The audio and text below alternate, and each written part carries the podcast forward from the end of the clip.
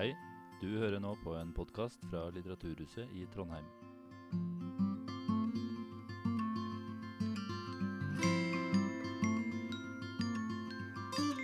God dag.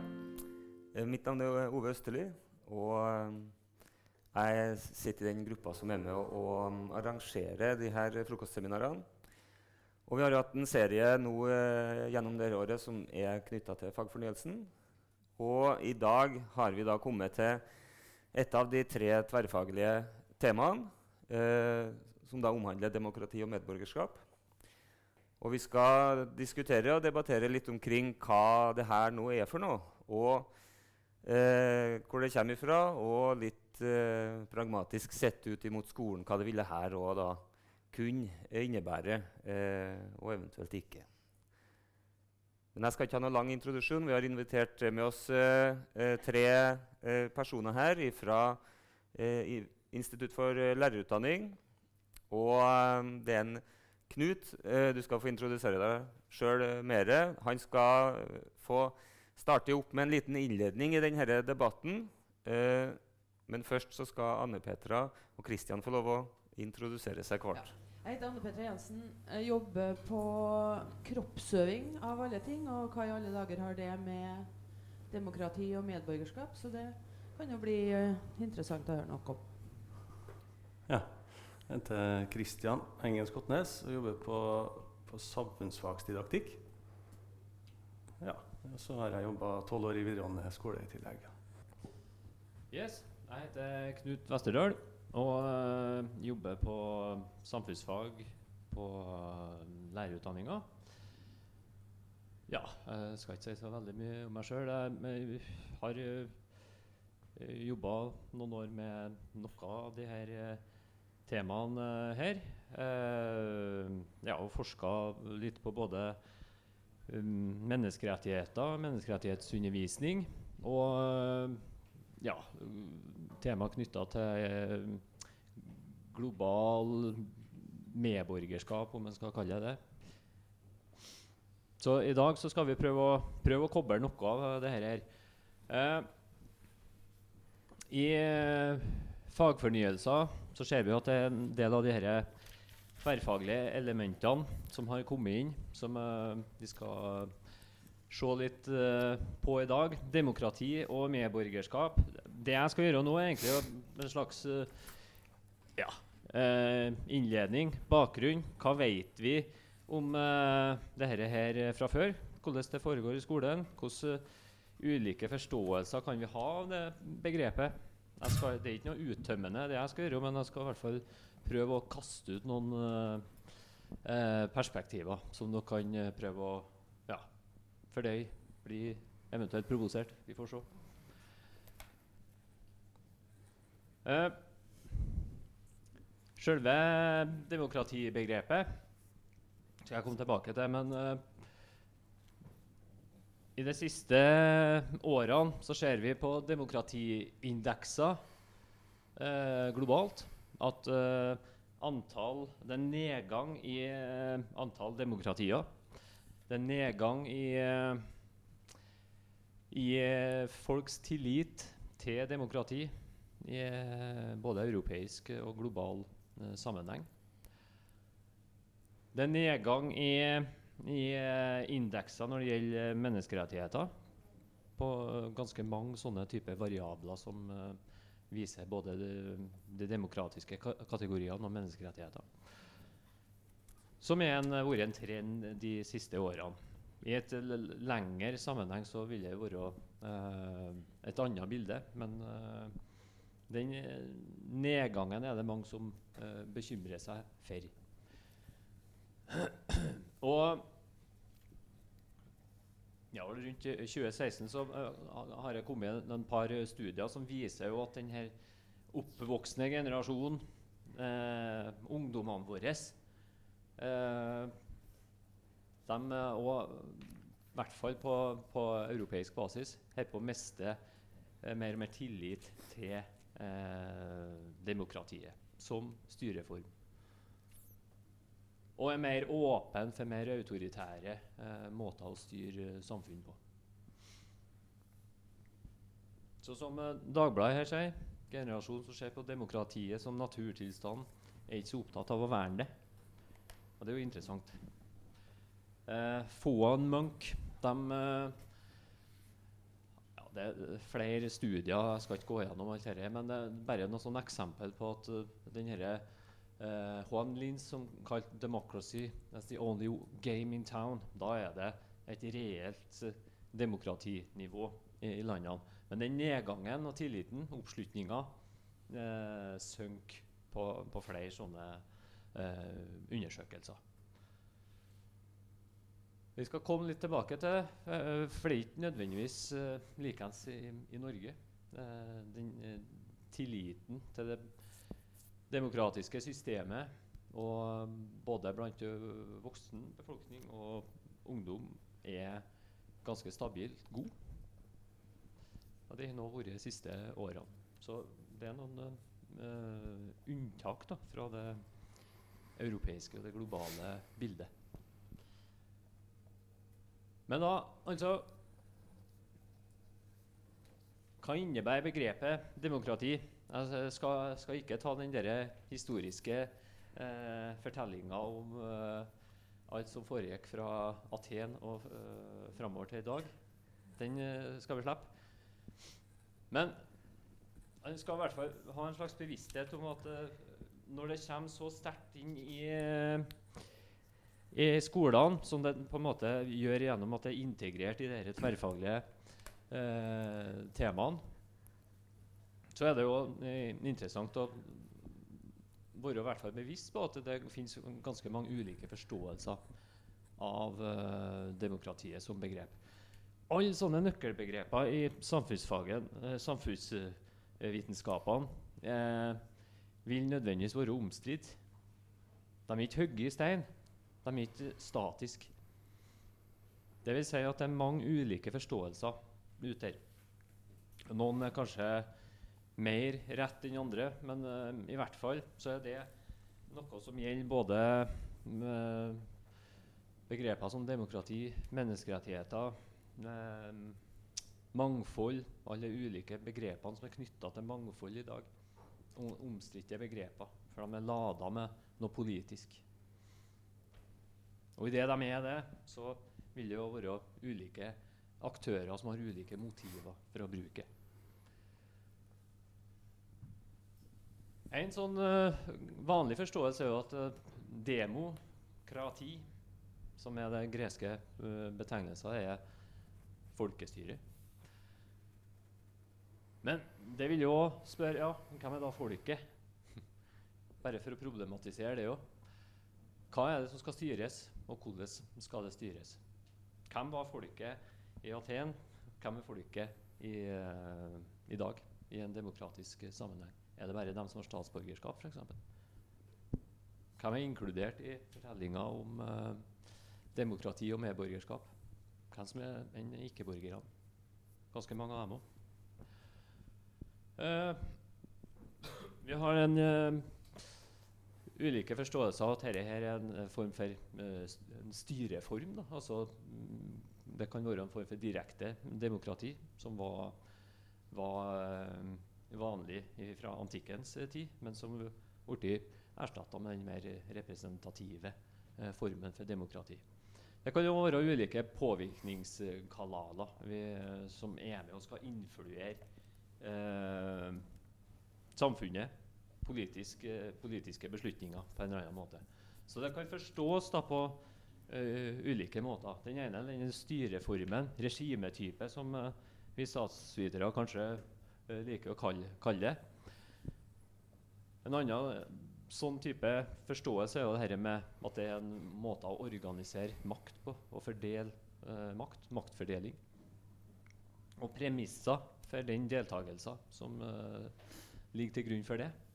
Men så har du jo den derre dimensjonen med at uh, Sånn som kanskje John Dewey snakka om at dette uh, Democracy is a way of life. At det er en livsform. Det er ikke, det er ikke bare å snakke om politiske institusjoner. Uh, en styreform, men det er òg en måte å leve på. En måte å ja, forholde seg til hverandre på.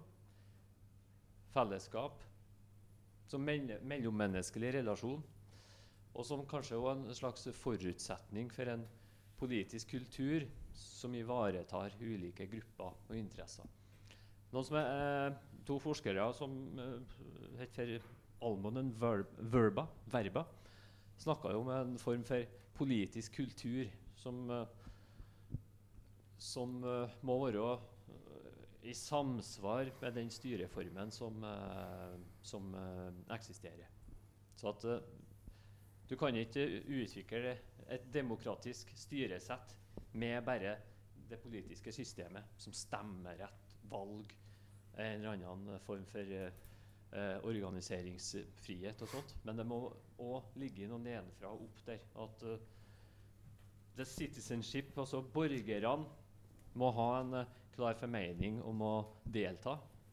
Og de har en klar formening om hva som skal gjøres for å ivareta de demokratiske prinsippene. Men òg, ikke minst, være kritisk til de samme institusjonene. Ja. Eh, og Der kommer vi jo til dette med læring om, gjennom og for demokratiet. Jeg skal komme litt tilbake til det. men Jeg skal heller ikke ramse opp dette, men bare for å bevisstgjøre om at uh, i det vi snakker om uh, demokrati, så er det ulike modeller og ulike forståelser for dette her. ikke sant? Og når vi er inne i skolen, som jeg har sett i, i, min egen forskning og mange andre som ser at det er veldig mange ulike oppfatninger av hva eh, demokratibegrepet er. Og den ulike forståelsen for eh, oss lærere den gir jo da føringer for hva, hvordan dette her blir tilnærma i uh, skole og undervisning.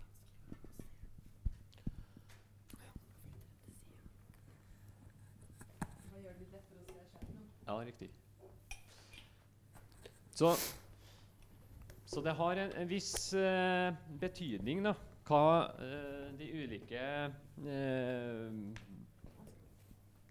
lærerne, ulike læreplanene, hvilke former for demokrati som egentlig uttrykkes, og ikke. Ja. Blant annet kan det være stor forskjell på denne mer smale definisjonen uh, øverst her, hvor uh, demokrati først og fremst handler om valg som gjøres hvert uh, fjerde år så går vi og stemmer på de eh, elitegruppene som eh, gjør seg eh, fin for oss. Og den som gjør seg finest, han vinner. Og Det er en slags type konkurransedemokrati, men som ikke kanskje gir noen sånne eh, store føringer for deltakelse utover det å putte denne stemmeseddelen nedi eh, urnen. Ja, Deltakerdemokratiet som Pateman snakker om, har en mer sånn brei form og forståelse for deltakelse i alle mulige former. Det handler ikke bare om dette å gå og stemme. Det handler om deltakelse lokalt, nasjonalt, globalt på ulike former, ulike påvirkningskanaler som brukes. Alt ifra å gå og stemme til sivil ulydighet. Mens den mer deliberative som Habermas snakker om, er det her, at vi skal utvikle bedre argument da, gjennom uh, dialog og, og, debatt. Så at det skal være en opplyst uh, samtale.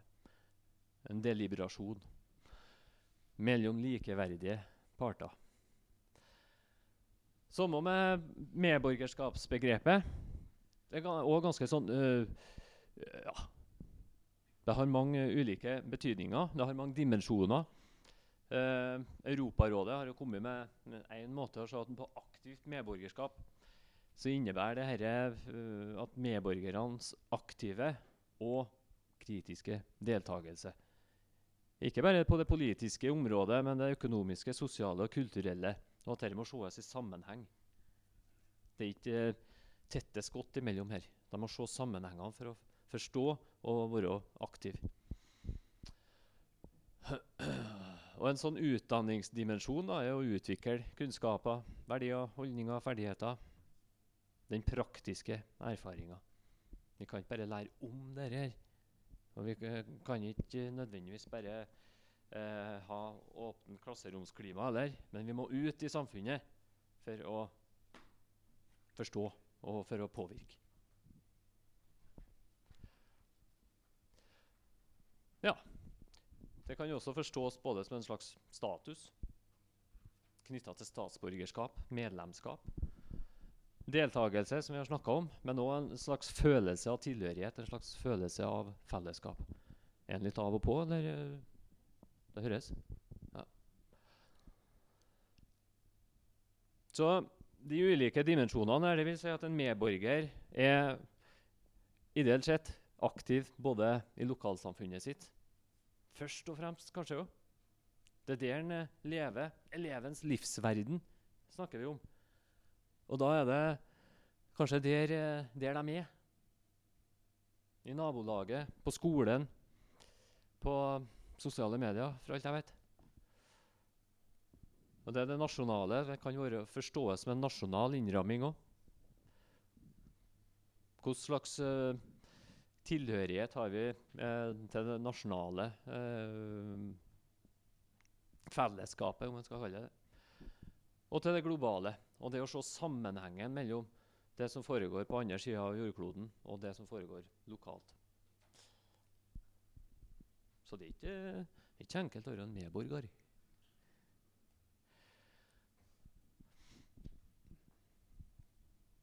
Men vi ser mange eh, typer kvasiløsninger. Vi uh, kanskje flirer av dette at uh, democracy is the freedom to elect our own dictators. Altså, det er en frihet i det òg. Og vi ser jo mye tendenser til det. Flere og flere autoritære eh, eh, trekk blant de demokratisk valgte lederne eh, rundt omkring. Men vi ser jo det i skolesammenheng at det er mye kvasi-demokratiske løsninger. Elevrådet er blitt løfta opp som en kjempeviktig arena for eh, demokratisk medvirkning. Men eh, enkelte eh, studier, Kjetil Børhaug bl.a., har jo også sett at dette har tendenser til å ha en slags eh, kvasidemokratisk ordning.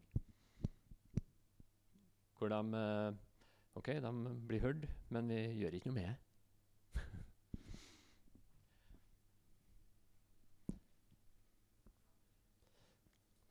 ja. Så det er jo Så vi, vi, vi, vi kan se til at dette er noe som skjer i Russland eller i uh, Ungarn, eller hva det nå skal være, USA.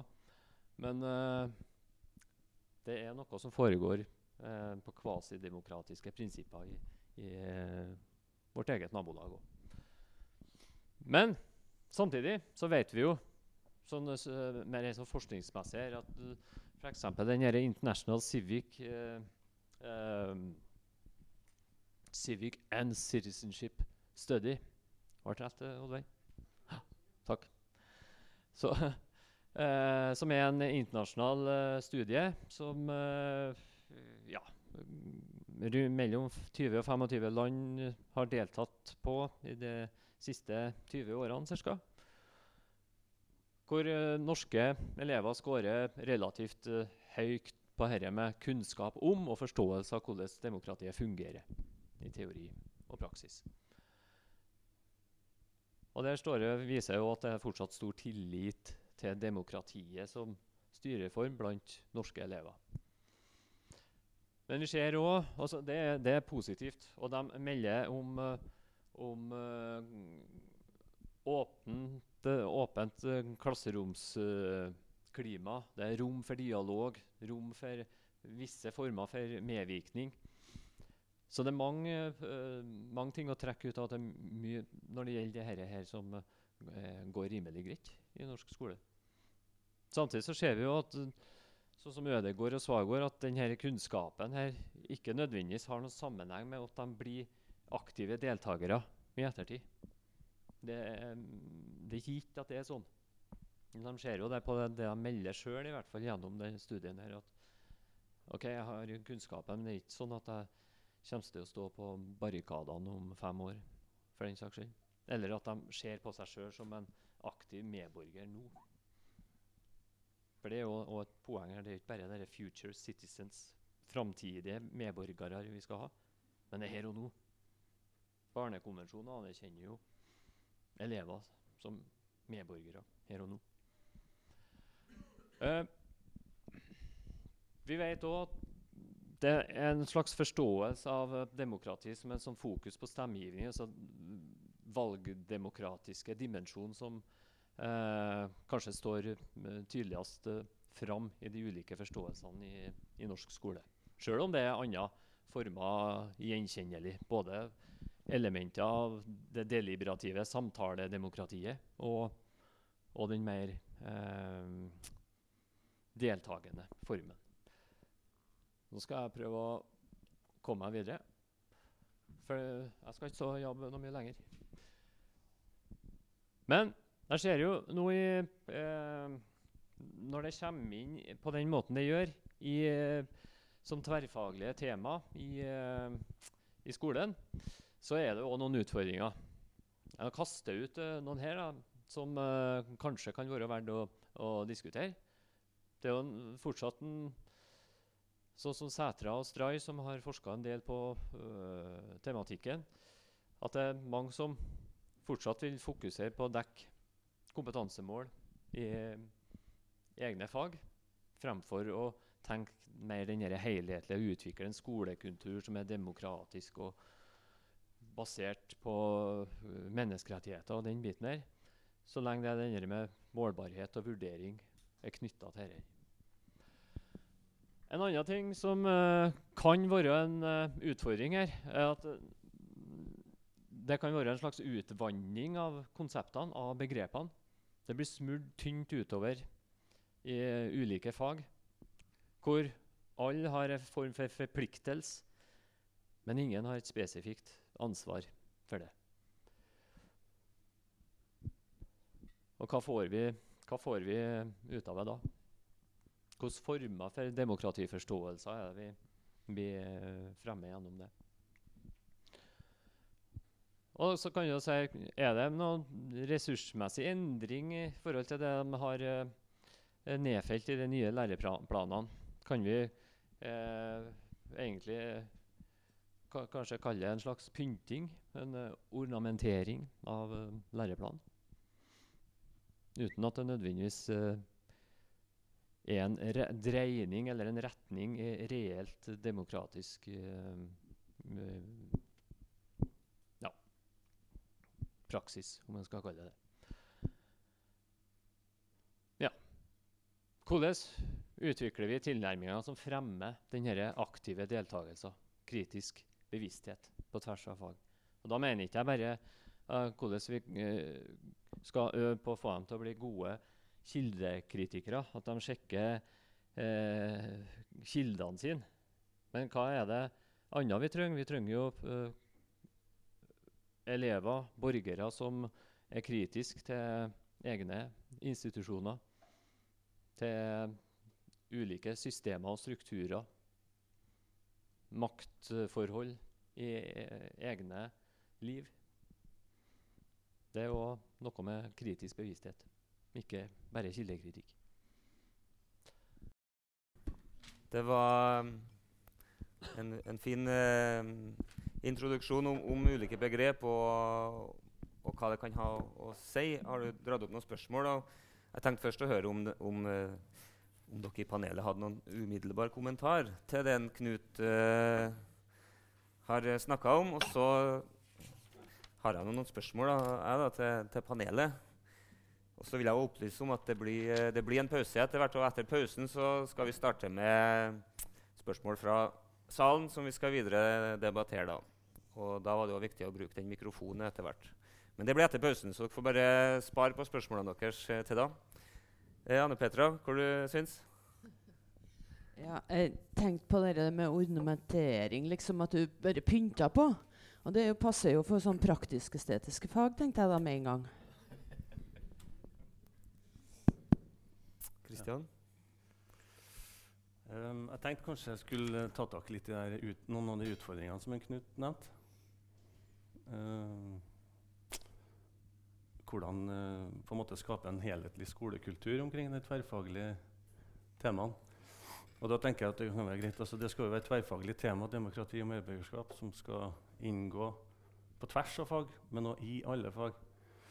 Altså finne en sånn skolekultur eh, altså Her må um, sannsynligvis ledelsen inn og ta, ta litt uh, styring for å få til en sånn helhetlig skolekultur. Da.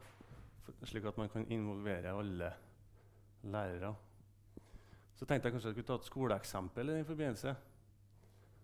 Fra fjor høst, når jeg var fagkoordinator på samfunnsfag i, på en videregående skole i nærheten. Så var det sånn at, Og sånn er jo på en måte hverdagen. Vi får, jo ny, vi får jo en ny læreplan, men uh, ja.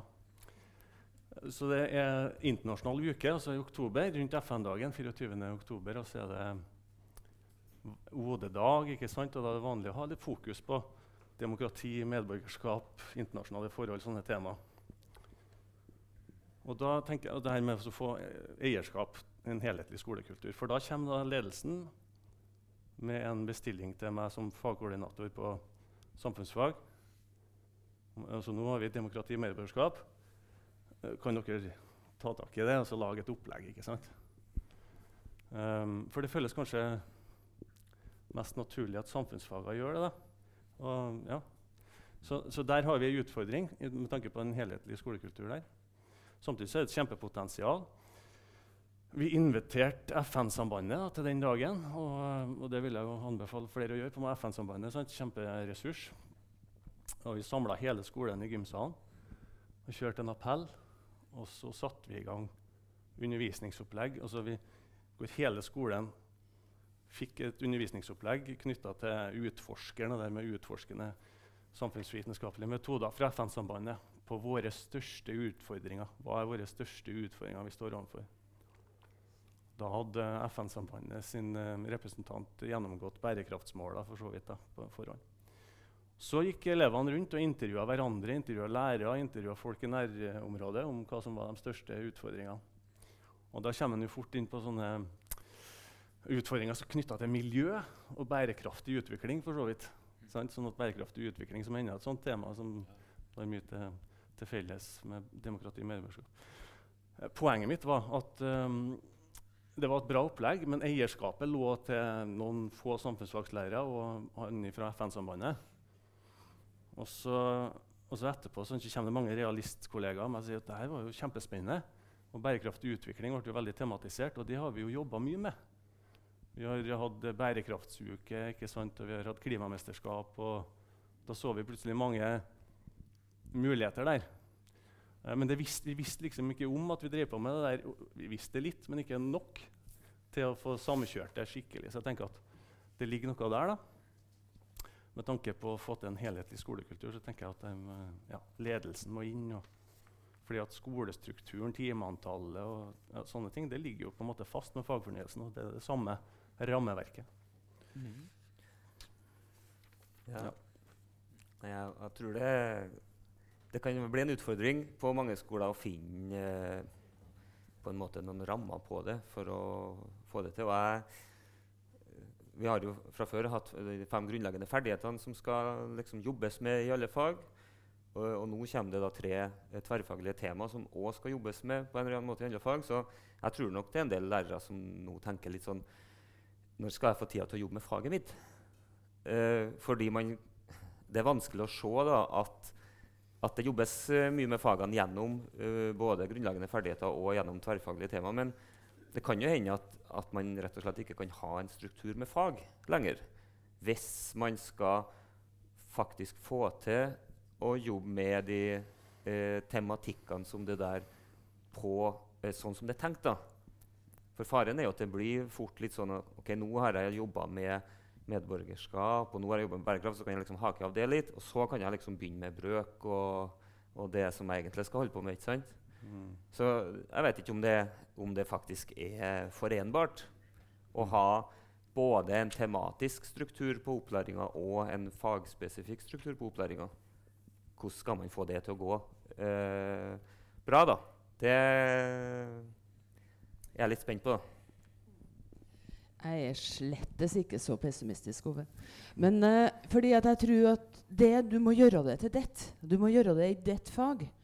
Eh, vi har jo hatt sånne håpløse Hvordan eh, skal du jobbe med skriving i kroppsøving og lesing og Ja.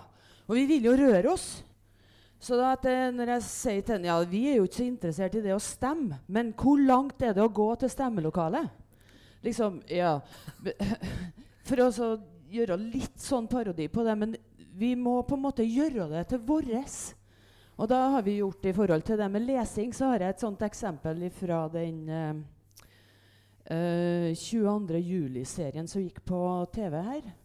Hvor han som så på han gutten hvis det har noen, Sikkert mange som har sett den her nå. Han gutten som da de trodde kanskje foreldrene heiv utover verandaen, eller om han gjorde det sjøl. Jo, men han naboen satt og sa Ja, men han, han gikk jo med hendene her.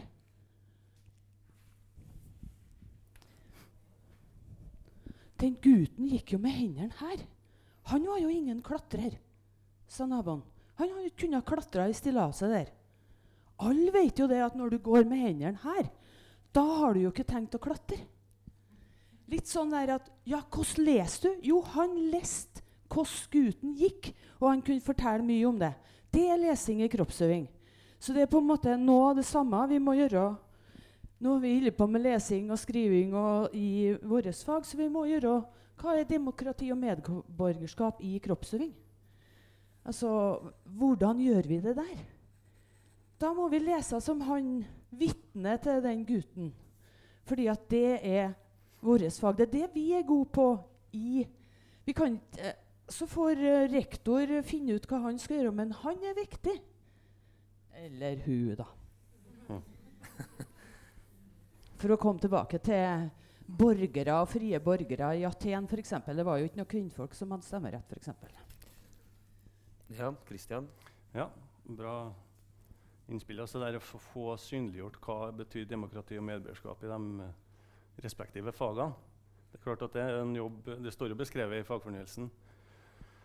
Så, så det må jo settes av tid til, sånn at lærerne på skoler og, lærerstudenter ikke sant, til oss får tid til å analysere det, hva det ligger i det. Men så tror jeg jo med den helhetlige skolestrukturen, altså hvis en skal få det tverrfaglige dimensjonen, dimensjon, eh, samarbeid, så er det jo fint, da må vi jo vite om det, der eh, på tvers av fagområdene i skolen også.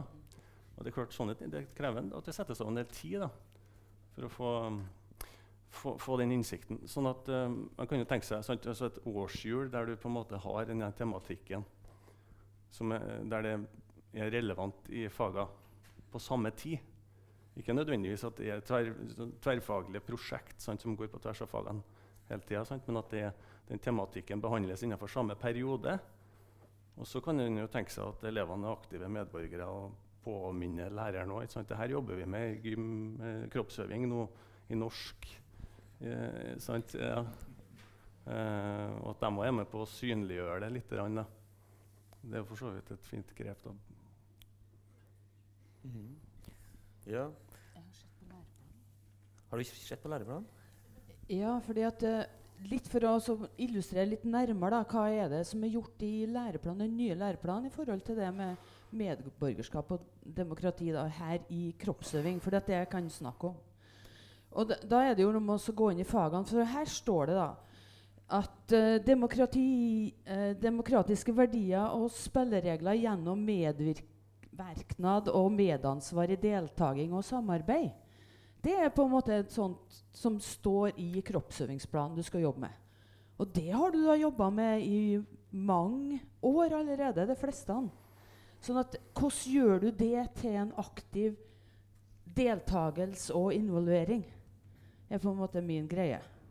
Så det, jeg kan komme med noen eksempel etterpå. Men det står da faktisk hjelp i den læreplanen, i hvert fall i kroppsøving, som jeg har lyst til.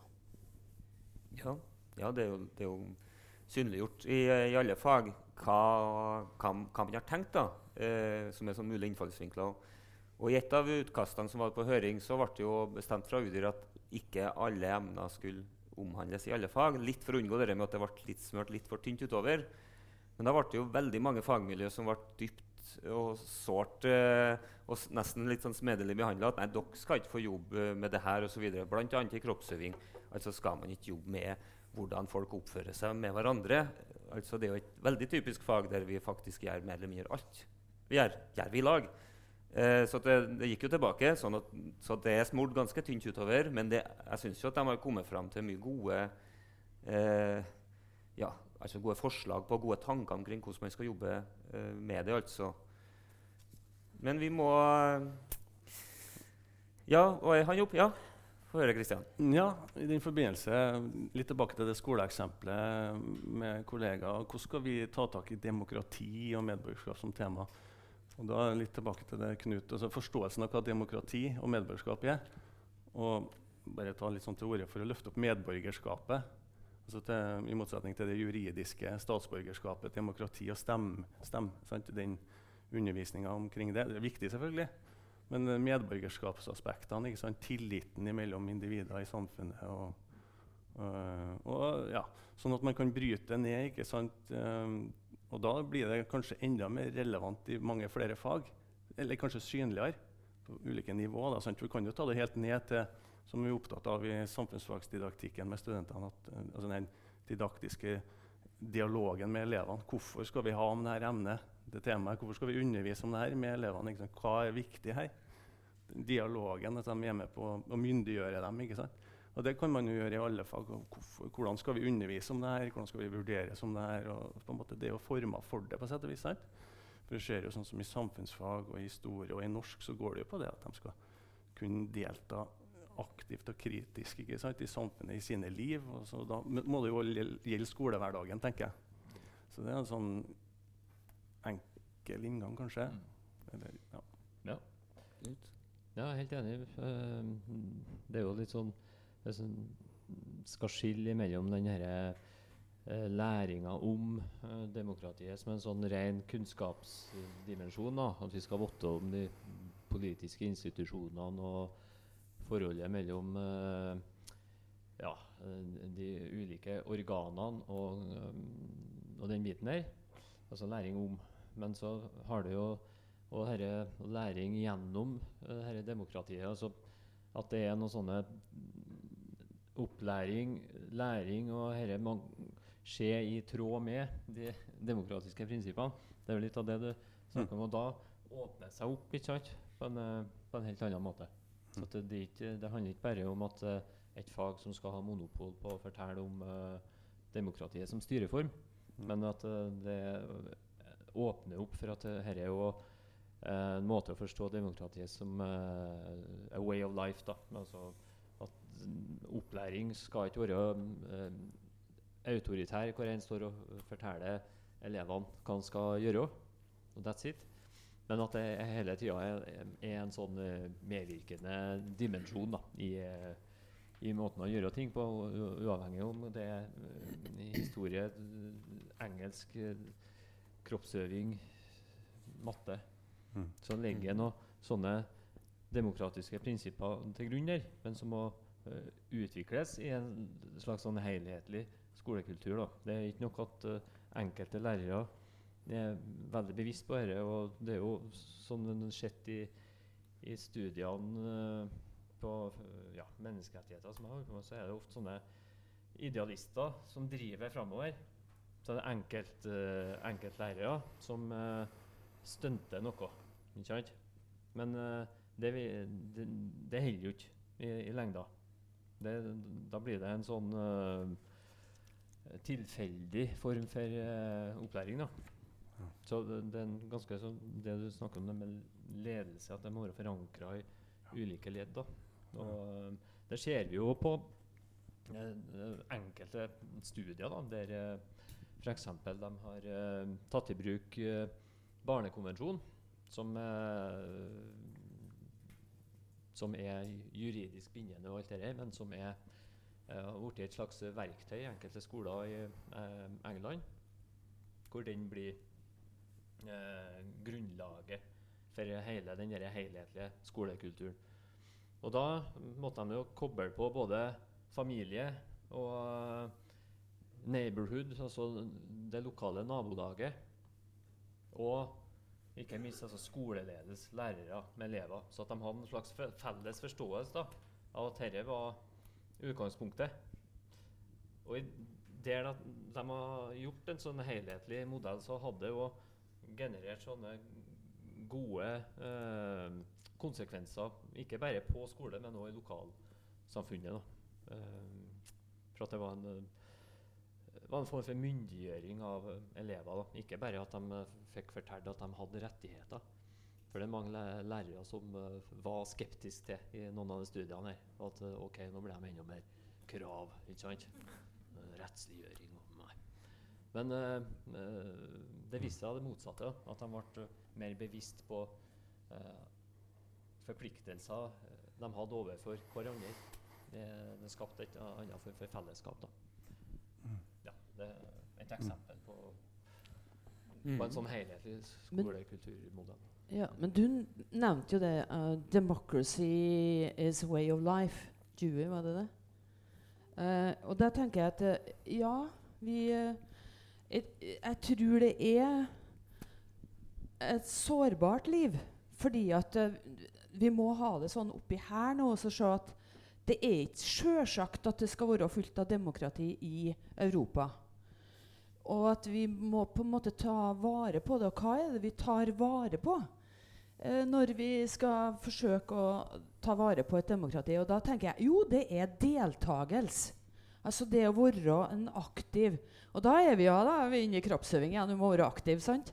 Men det er sånn Ja, du må involvere andre. Du må være deltaker. Du må gi andre en mulighet. Men samtidig litt sånn som når jeg jobber med ball, så sier jeg at mine pasninger skal gjøre deg god, og dine mottak skal gjøre meg mine pasninger god. Altså at jeg jobber med en sånn forståelse, og da setter det enda større krav til dem som er gode ballspillere, f.eks. For, for hvis jeg da skal spille til deg, Ove, som er en elendig ball... Nei da.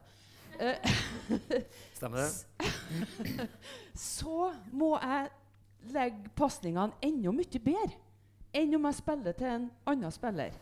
Og det er liksom det er på en måte noe av det som vi skal jobbe med i eh, demokrati og danningsopplæring òg, tenker jeg. Jeg syns eh, eh, demokrati mm, er litt inne i danningsfeltet, på en måte. At du eh, trenger på en måte å gi folk muligheten til å være seg sjøl, men samtidig du, du er med oss, du er her, du er i gruppe. Det er noe fellesskap.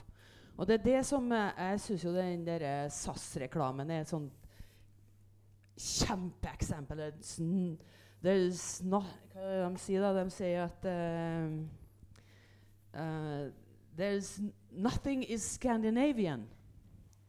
Altså, det er ingenting som er skandinavisk. Alt er importert. Demokrati er importert. eh, eh, fødselspermisjon eh, osv. Så, videre. så det er ingenting som er skandinavisk. Men vi er ganske gode på en del ting i Skandinavia. sant? Vi er gode på demokrati. Vi er gode på det med fødselspermisjon. Vi er, Skit i om det er importert, men vi er gode på det. sant? Og det er det som er, og folk ble jo så sinte, og de måtte jo ta den reklamen av fordi at Hallo? Er vi ikke, gode?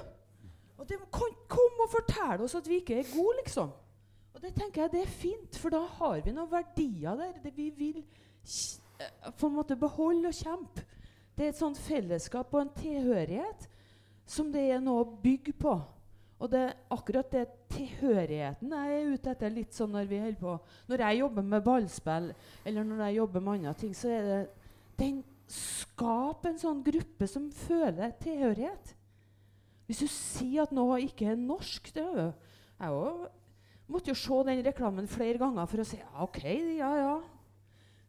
Eh, at de hadde en eh, idé om at ting var importert, gjør jo ikke at det er dårligere. Fordi at vi har gjort om det til noe som er vårt. Godt poeng, Petra. Kristian, hadde du en eh, Ja. replikk til det der? Mm -hmm. En dannelse, ja. Det er så fint. Det passer inn her. Og fikk lyst til å snakke om klafke og kategorial danning. Og det er elevens livsverden som du løfter opp. Og så hvordan skal vi oppnå det her? Tilhørighet som hører til medborgerskap. Og i den forbindelse så, så Klassiker snakker om den eksemplariske utdanninga, undervisning som åpner verden for eleven, og eleven for verden.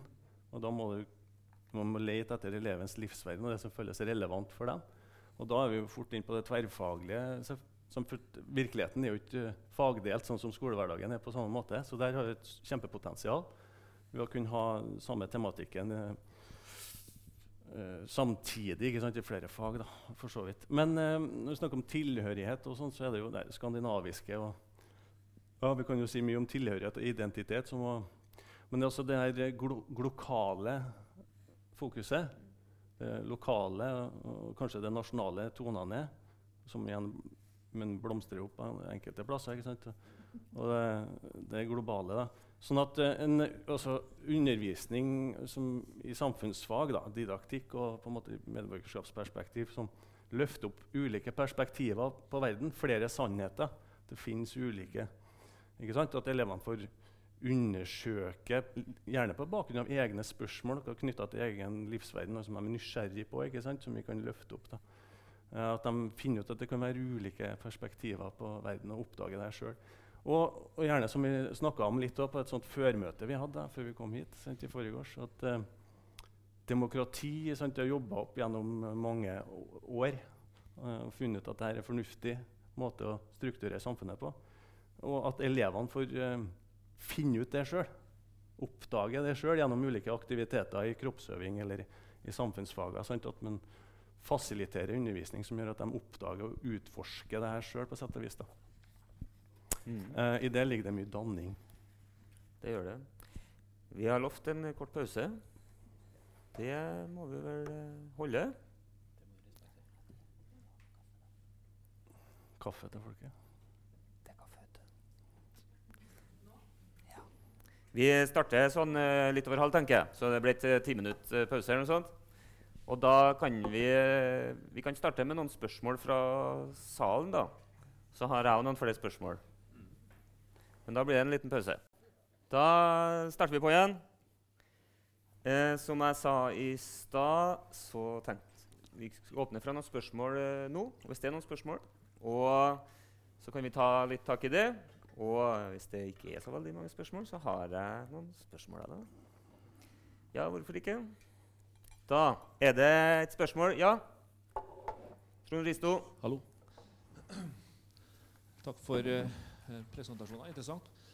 Um, til tross for uh, stunt, uh, som du snakka om, Knut, og fragmentering, som du Christian snakka om, um, så ser det ut som ut ifra den citizenship-studien at det fungerer.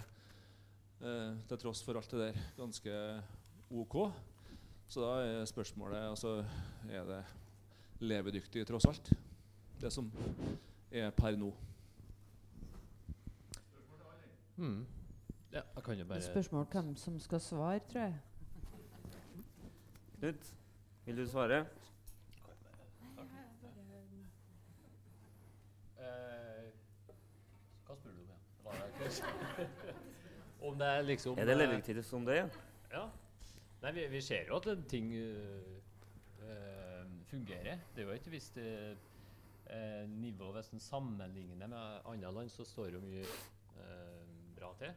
Men samtidig så ser en på noen dimensjoner av deler av den studien som ser at det er mindre fokus eh, både blant lærere og elevene på dette med den, den aktive deltakelsen, bl.a. Som er en av flere sånne dimensjoner de uh, måler på.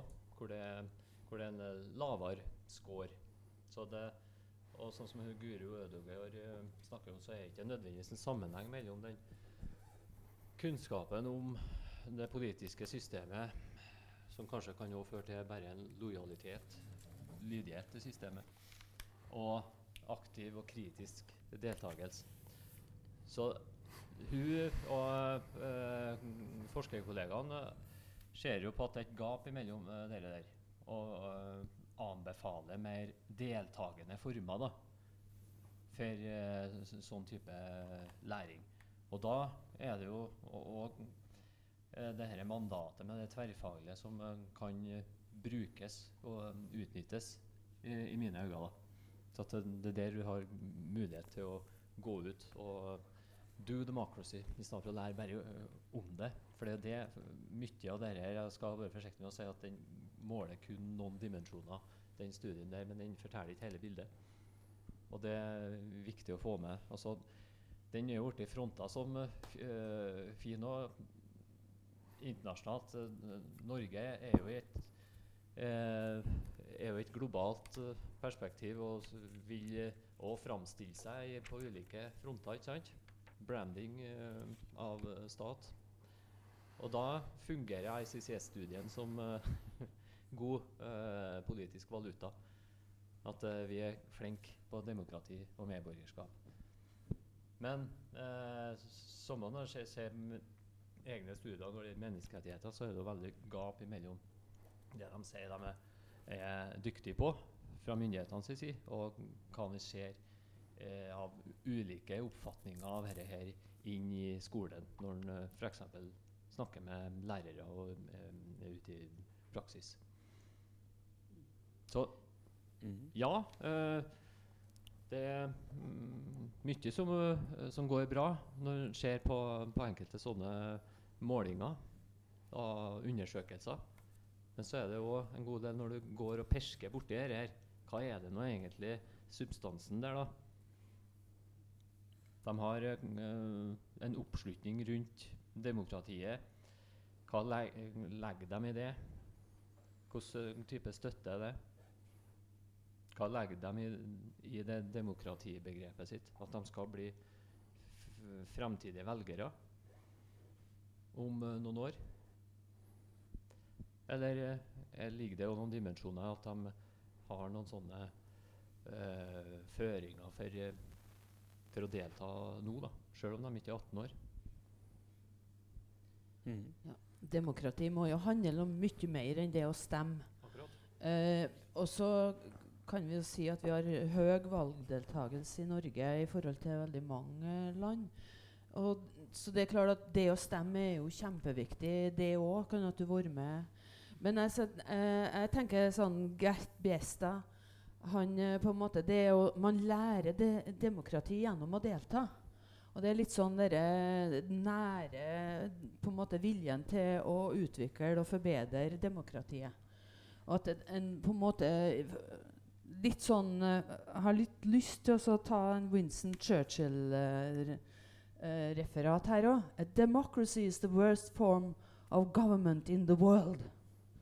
Except for all the others.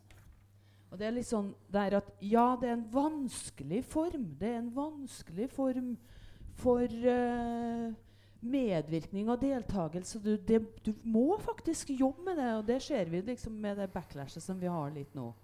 At vi må jobbe med det. Det er ikke sjølsagt. Så det, det er litt sånn der og jeg at det, når det er, kommer inn som en sånn aktiv del av eh, skolen nå, så er det òg viktig at en da faktisk får jobba med den aktive biten. da. Og det at en uh, lærer litt uh, gjennom å delta. Og da har jeg jo mer tro på det at en faktisk gjør noe. At en glemmer at de skal få fravær, men sparker ungene ut til å gå i demonstrasjonstog. Det er liksom Få dem aktive på en måte som gjør at de er nødt til å ta standpunkt, f.eks. For jeg har ikke noe tro på det der at uh, du sitter ja, Jeg har jo mitt, uh, som jeg bruker å si, da. Du sitter bakerst i klasserommet og sier tolerangers.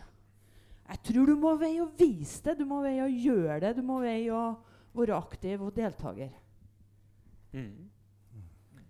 Ja, vi er åpne for flere spørsmål. Tone Pernille? Hei. Ehm, ja, jeg heter altså Tone, og jeg hører til fagseksjon for eh, kunstfag, kroppsøving og idrett. Uh, og min egen uh, faglige bakgrunn er fra dans. Uh, og jeg har um, sittet nå i to utvalg i fagfornyelsen som har jobba med eh, endring av læreplanen for musikk, dans, drama på videregående. Det er på videregående 1. Og så for dans, som er på videregående to og tre. For da deler det seg i, i tre ulike fag. Um, og jeg, jeg har egentlig lyst til å stille kanskje det kanskje litt provoserende spørsmål, men uh, kanskje særlig til kroppsøving. Um, fordi at det som jeg har erfart, er at uh, det med demokrati og medborgerskap i de her fagene, da, i mitt tilfelle særlig dans og musikk, har vekt motstand. Fordi at det, det utfordrer noen eh, tradisjoner som er ganske autoritære å jobbe i fagene. Eh, men det som jeg hører litt av dere nå, er at, eh, at eh, jo, det her har vi jo gjort, og vi jobber med lagspill og osv. Men, eh, men jeg tenker, hvis man tenker sånn, så blir det liksom ikke noen Det, det utfordrer ikke faget til å endre seg. For at eh, jeg, jeg, tror at både i, i, altså av de praktiske og estetiske fagene, så særlig vil jeg si i, i idrett, da, idrett og kroppsøving, og musikk og dans, så fins det også noen sånne sterke eh, autoritære undervisningsmetoder. Eh, som, eh, som, i dansens tilfelle kommer fra 1600-tallet, og som liksom ikke har gitt slipp. Eh, så det eh, jeg hører ikke helt det da, hos dere. Det er litt sånn at dere ser at her er det, og vi har mulighet. Og det er også et bilde av de praktiske og estetiske fagene. At de har veldig mye muligheter til å jobbe med demokrati i praksis. Og det tror jeg at de har. Men da må man også utfordre måtene som fagene undervises på. Har dere noen mm. kommentarer til det? Ja da. Jeg kan jo svare. Og øh, det er helt klart en arena som eh, er veldig godt egnet for å jobbe med relasjonelle eh, tema, og naturligvis da demokrati og medborgerskap. Altså hvordan er man sammen? Eh, men det handler jo heller ikke bare om hvordan elevene er sammen i denne settingen. Kanskje mer det du er inne på, er jo mer lærer-elev-forholdet. Og der har nok kroppsøving forholdsvis mye å hente. Ja. Og det er kanskje et av de fagene i skolen som har utvikla seg minst i forhold til eh, hvordan man jobber mer pedagogisk eh, og metodisk i faget. Og Der er jeg enig med deg. altså Der eh, har vi en lang vei å gå. og Det gjelder ikke bare her, det er et internasjonalt fenomen. og Det, det kalles for 'instruct and conduct'. Altså Læreren kommer inn i gymsalen og forteller og instruerer hva skal vi gjøre, og så gjør alle elevene det. Og Så står de der og venter på neste instruksjon, og så gjør man det. Det er et sånt uh, tydelig globalt fenomen innenfor eh, kroppsøving og helse- og idrettsutdanning. Eh, det er noe jeg jobber med sjøl, eh, hvordan man kan prøve å endre sånne strukturer. Men bildet er ikke helt svart her i nord, altså, fordi vi har jo masse Erasmus-studenter til oss. Og de kommer jo fra eh, hele Europa, både forholdsvis langt nord i Europa, men også langt sør i Europa. Og dem, når de kommer til oss, så har de også praksis ute i skolen. Og de er helt overvelda over hvordan norsk skole er det skal ikke lenger enn til nord i Tyskland. Eh, så er det en helt annen eh, rolle læreren har overfor elevene sine. Og når vi snakker om det med å, å, lære i demokrati altså Vi skal liksom ikke bare lære dem de ulike prosessene og institusjonene, men ved å være og ha et demokratisk levesett, altså ikke være så veldig autoritær osv., så, videre, eh, er, vi i en helt annen verden i forhold til det de eh, Erasmus-studentene opplever og har opplevd da, som elever. Og de kommer til oss når de er 19, 21 og 20, år, så de har forholdsvis nylig vært i grunnskolen sørover i Europa. Og altså, de er vant til et helt annet sånt demokratisk klima i skolesettingen. Så vi, vi ligger godt an sånn sett. da, i forhold til at, altså dem, at, at, du kan si fornavnet til læreren din, er helt utenkelig, f.eks. Eh, så ja, det, det, er klart det er mye å gå på, og, og kanskje fagspesifikt opp mot kroppsøving så har vi mye å gå på i forhold til hvordan undervisninga blir gjort. Mm. Men innholdet i undervisninga eh, vil jeg ikke være så kritisk til, ikke i kroppsøving i alle fall, for vi gjør mye aktivitet, og vi gjør mye læringsaktivitet som er med å bygge opp under eh, demokratiske verdier. da. Eh, vi jobber mye med det, egentlig. altså. Men vi har mye å gå på i hvordan vi på en måte eh, organiserer undervisninga. kanskje. da. Vil du eh, fylle på? Jeg tenker sånn Tradisjonelt så er det sånn. Det, men eh, det er en ganske sånn grei utvikling til det at når jeg har en time, så hiver jeg ut ballene, og så får de uh, bruke dem som de vil. Jeg sier ikke noe om det, men jeg, kan kanskje si at de, ja, de skal holde den over hoftehøyde. Ja, OK. Og så er det fritt. Men så det er noe av den der måten du skal gjøre det på. For jeg går ikke aller å vise hvis ikke det er noe helt spesielt. Eh, sånn at det er noe med det der med instruksjon, som da har vært det ene gjeldende, og linjegymnastikk, hvor alle gjør det samme, så er det ganske stor forskjell på en, eh, en kroppsøvingssal i dag og det som det var på 60-tallet og videre. Så det skjer ganske mye utvikling i forhold til det, vil jeg ha sagt. Mm. Mm. Var det flere spørsmål? Jeg ser ikke for lyset helt hvem som var først og sist. Du får velge fritt. Hei. Uh, Fins det noe forskning på norske læreres forståelse av demokrati og medborgerskap på samme måte som elevene? Ja, Uh, den eh, ICCS-studien den eh, har òg noen sånne eh, innganger til, til hvordan lærere forstår dette her. De har eh, bl.a. stort fokus på at elevene skal eh, eh, utvikle en kritisk bevissthet, og eh, samtidig som de utvikler kunnskap om eh, eh, system, det politiske systemet og institusjonene. og. Så det, de har sånn ulike variabler, bl.a. på den ICCS-studien som jeg snakka om her. da, hvor, herre, hvor de rangerer ulike prioriteringer de har eh, langs eh, hva, er, hva er det viktigst for deg som lærer å undervise om når, eh, når vi snakker om demokrati. Et eller annet sånt. Så det, eksisterer flere sånne, hvor, hvor bl.a. Det, med å utvikle kritisk bevissthet og eh, kunnskapsdimensjoner og sånt er, ligger ganske høyt. Mens det dette med å, å fremme politisk deltakelse, aktiv deltakelse, ligger ganske lavt. Og det er ikke noe unikt i for så vidt i, i en europeisk eh, sammenheng. Det er eh, flere eh, land som vi, vi ser mye av det samme. Men, så Norge er nødvendigvis ikke noe unntak i så måte.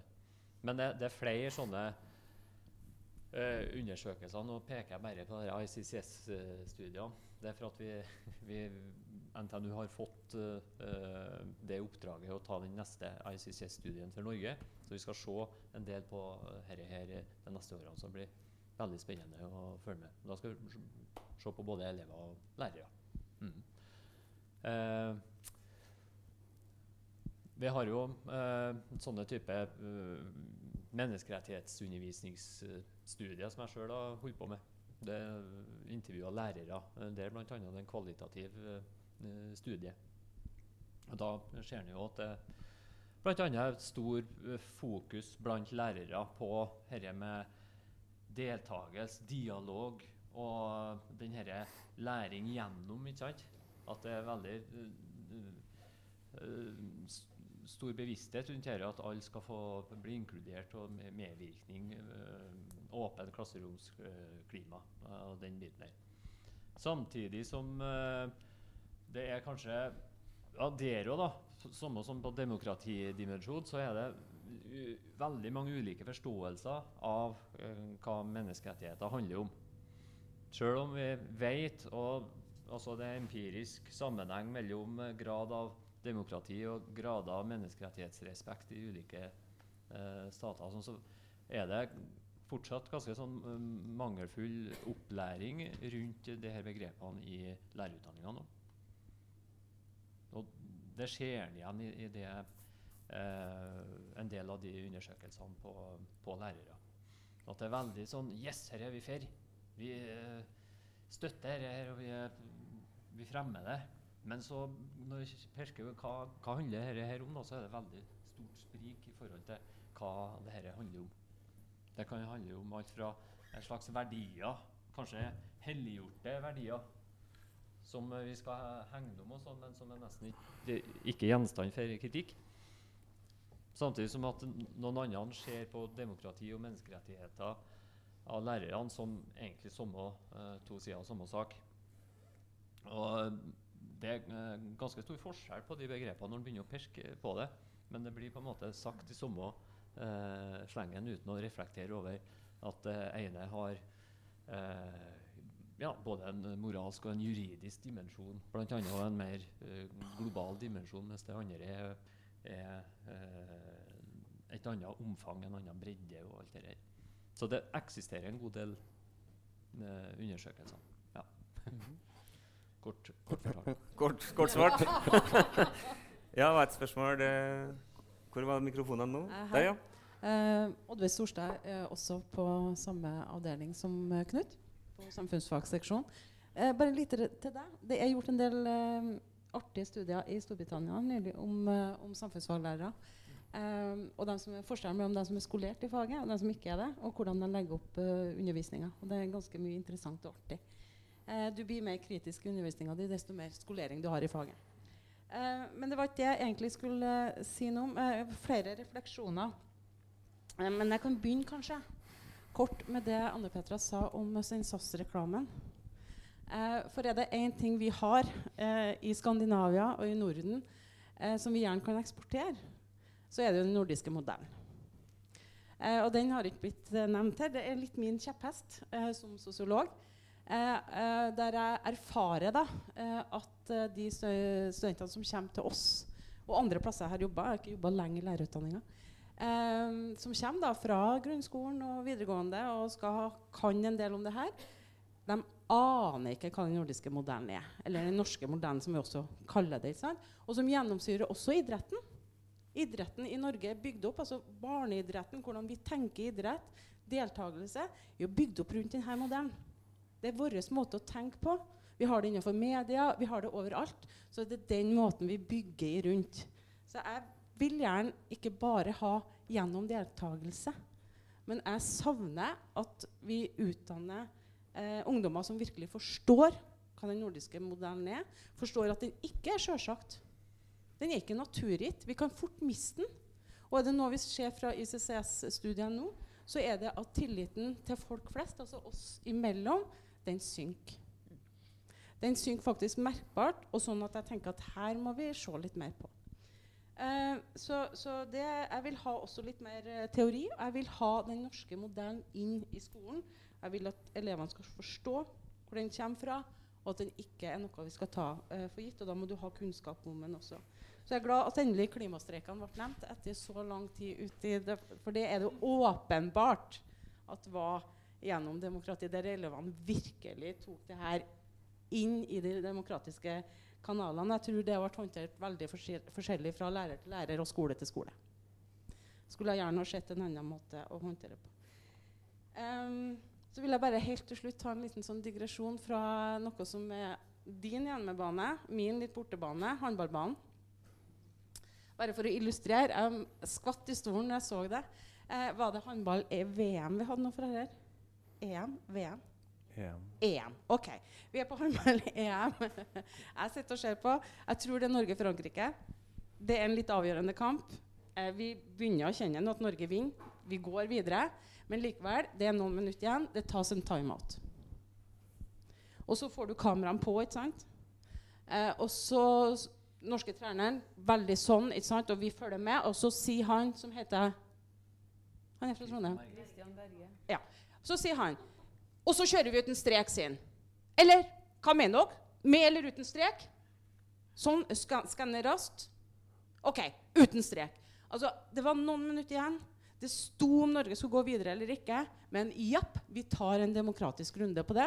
Med eller uten strek. Jeg vet ikke om det flere som merka seg den, den lille seansen. Men da tenkte jeg at her, her, her, det sitter så i ryggmargen på oss. Iallfall på enkelte trenere. Og jeg ville ha sett det russere gjør det samme, eller italienere, eller ja, hvem det skulle være. Det må, hvis noen skulle gjort det, så burde det vært en svenske eller Ikke sant? Mm. Og det er på en måte noe kjernen i den nordiske modellen som jeg tror vi er flinke til å Skolen er veldig flink til å få inn i ryggmargen på elevene. Men jeg savner også den teoretiske rett og slett kunnskapen, forståelsen av hvor kom den fra. Og da tenker jeg litt mer enn trepartssamarbeidet. For det vet jeg er i lærebøkene. Men, men grunnleggende forståelse, hvor kom den fra? Den historiske forståelsen av det. Og hva skal vi gjøre for å verne om den? Og da er det der med tillit til sant, en helt grunnleggende element for at vi skal ha, ha det. Og skal greie å ha det, kan man se Harald Eia for den som er interessert i den populære versjonen av det. Mm. Jeg har bare lyst til å kommentere det. Litt sånn der, eh, jeg var på en Pestalozzi-samling i Europarådet. Ja, Det begynner kanskje å bli fem-seks år siden. Men da var vi i lag med mange kroppsøvingslærere på, fra hele Europa. Og så sier jeg at ja, vi Altså visst uh, Så refererte jeg til at uh, jeg hadde spilt på landslaget. Og så sier jeg at uh, vi som spillere, hvis vi ikke trodde på opplegget til treneren, så sa vi at det kunne vi ikke gjennomføre. Og så Hæ? Det var ingen som trodde det. Jo, vi har det sånn. vi, for at hvis jeg skal gå ut på der og spille og gjøre den jobben, så må jeg ha tro på at jeg kan gjennomføre det. Hvis ikke, så er det jo dødfødt. Og det Så sier jeg Nei, det trodde de ikke. Ja, OK, da, ettersom du har vært med på det, så trodde vi på det. Og da kunne jeg si at ja, hvordan gjør de det, da? Er det en god modell, kanskje? For da må du bevise det. Og da hadde de nettopp uh, vunnet OL, tror jeg, sånn at det var, det var greit bevis. Men jeg tror det med et likhet er det noe av den der greia som er, er, altså Både det at du har tillit, men det at det ikke er for stor ulikhet, som er da Som fagforeningsmanager, og så er jeg jo der, sjølsagt. Det er klokka ti, men Ja. vi har fire spørsmål igjen. Så skal vi høre de fire og gå litt over, eller? eh? Eh, vi kan jo høre spørsmålene, i alle fall. Vi kan jo samle Så ser vi om vi ønsker å svare på dem. Man kan Eller, samle dem opp, og så vi skal ikke kjøre noen lang debatt, så vi går noe langt over tida, men eh, det er artig å høre spørsmålene. altså. Ja, Det er jo egentlig et spørsmål som går litt på det som ble sagt her, og litt på det her tillitsbegrepet. Eh, for vi ser jo at vi blir mer individualisert. Mi tilliten synker mellom mennesker. Eh, og i skolen også så ser en at lærere har veldig fokus på sitt fag, sin praksis. Det er mange ting som skal dokumenteres, spesielt i videregående. Uh, men det er kultur, tenker jeg. Det er kulturen for demokrati og medborgerskap. Åssen står det til med praksisfellesskapet rundt i skolen som skal danne elever til å tenke medborgerskap, tillit og demokrati? Ja. Skal vi bare ta alle spørsmålene og så svare etterpå? Jeg tror vi må bare ta spørsmålene, og så får vi hvordan det å diskutere etterpå. Eh, takk. takk for at dere arrangerer og legger til rette og stiller opp. Eh, det er eh, like mye en oppfordring, eh, ettersom eh, lederen vår eh, har gått, men jeg fikk stilt spørsmål til ham. Nemlig eh, i hvilken grad klarer vi å eh, gi studentene kompetanse til å jobbe tverrfaglig med disse tverrfaglige temaene, som f.eks. demokrati og medborgerskap. Eh, det er relativt eh, tynt eh, hvordan strukturene legger til rette for det i lærerutdanningen, tenker jeg. Så det er som en slags sånn oppfordring til oss selv. Hvordan skal vi i lærerutdanningen Eller eh, kan, vi, kan vi klare, til tross for sviktende strukturer, som et demokratisk initiativ, å gjøre noe som eh, gir studentene våre kompetanse i å eh, nettopp delta i en demokratisk aktivitet og reflektere over den, og derigjennom på en måte lære noe om å jobbe eh, tverrfaglig og demokratisk eh, for å få kompetanse til å gjøre lignende ting i skolen. Mhm.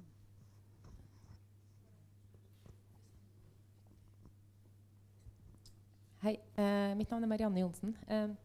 Jeg syns det er kjempeinteressant. Eh, jeg er ikke lærer selv, men jeg holder på å utvikle en læringsarena for sosiale ferdigheter i klasserommet. Eh, så jeg, jeg var litt sånn nysgjerrig på alle de som sitter her. Jeg tenker kanskje mest, Er, fl er flesteparten lærere? En hånd opp? Eller med lærerbakgrunn? Ja, OK. Ja, ja. ja, nei, fordi jeg blir veldig nysgjerrig på hva hver enkelt eh, gjør allerede i dag eh, når det gjelder demokrati og medvirk medvirkning. Eh, og også hvilke muligheter dere ser. For det, det er jo tydelig at altså, det er mange utfordringer her, men hvis man kan liksom se på mulighetene eh, Og så vil jeg veldig gjerne egentlig ha blitt mer, bedre kjent og fått innspill eh, inn i det jeg jobber med. da. Men eh, det er kanskje det er noe kort tid her nå. Så, men ja, jeg driver med People Know, da. Ja, takk. Så var det et siste spørsmål vi får høre på, da. Nei, jeg hadde bare en replik. Ja. Men da Jeg har lyst til å svare litt kort, fordi at jeg jobber med leik som en av dere feltene som jeg jobber med. Og da får jeg studentene mine til å ordne leker som skal fremme noe spesielt. Annet jeg jobber innenfor danning. Og da, eh, da må de ta kvaliteter i seg sjøl.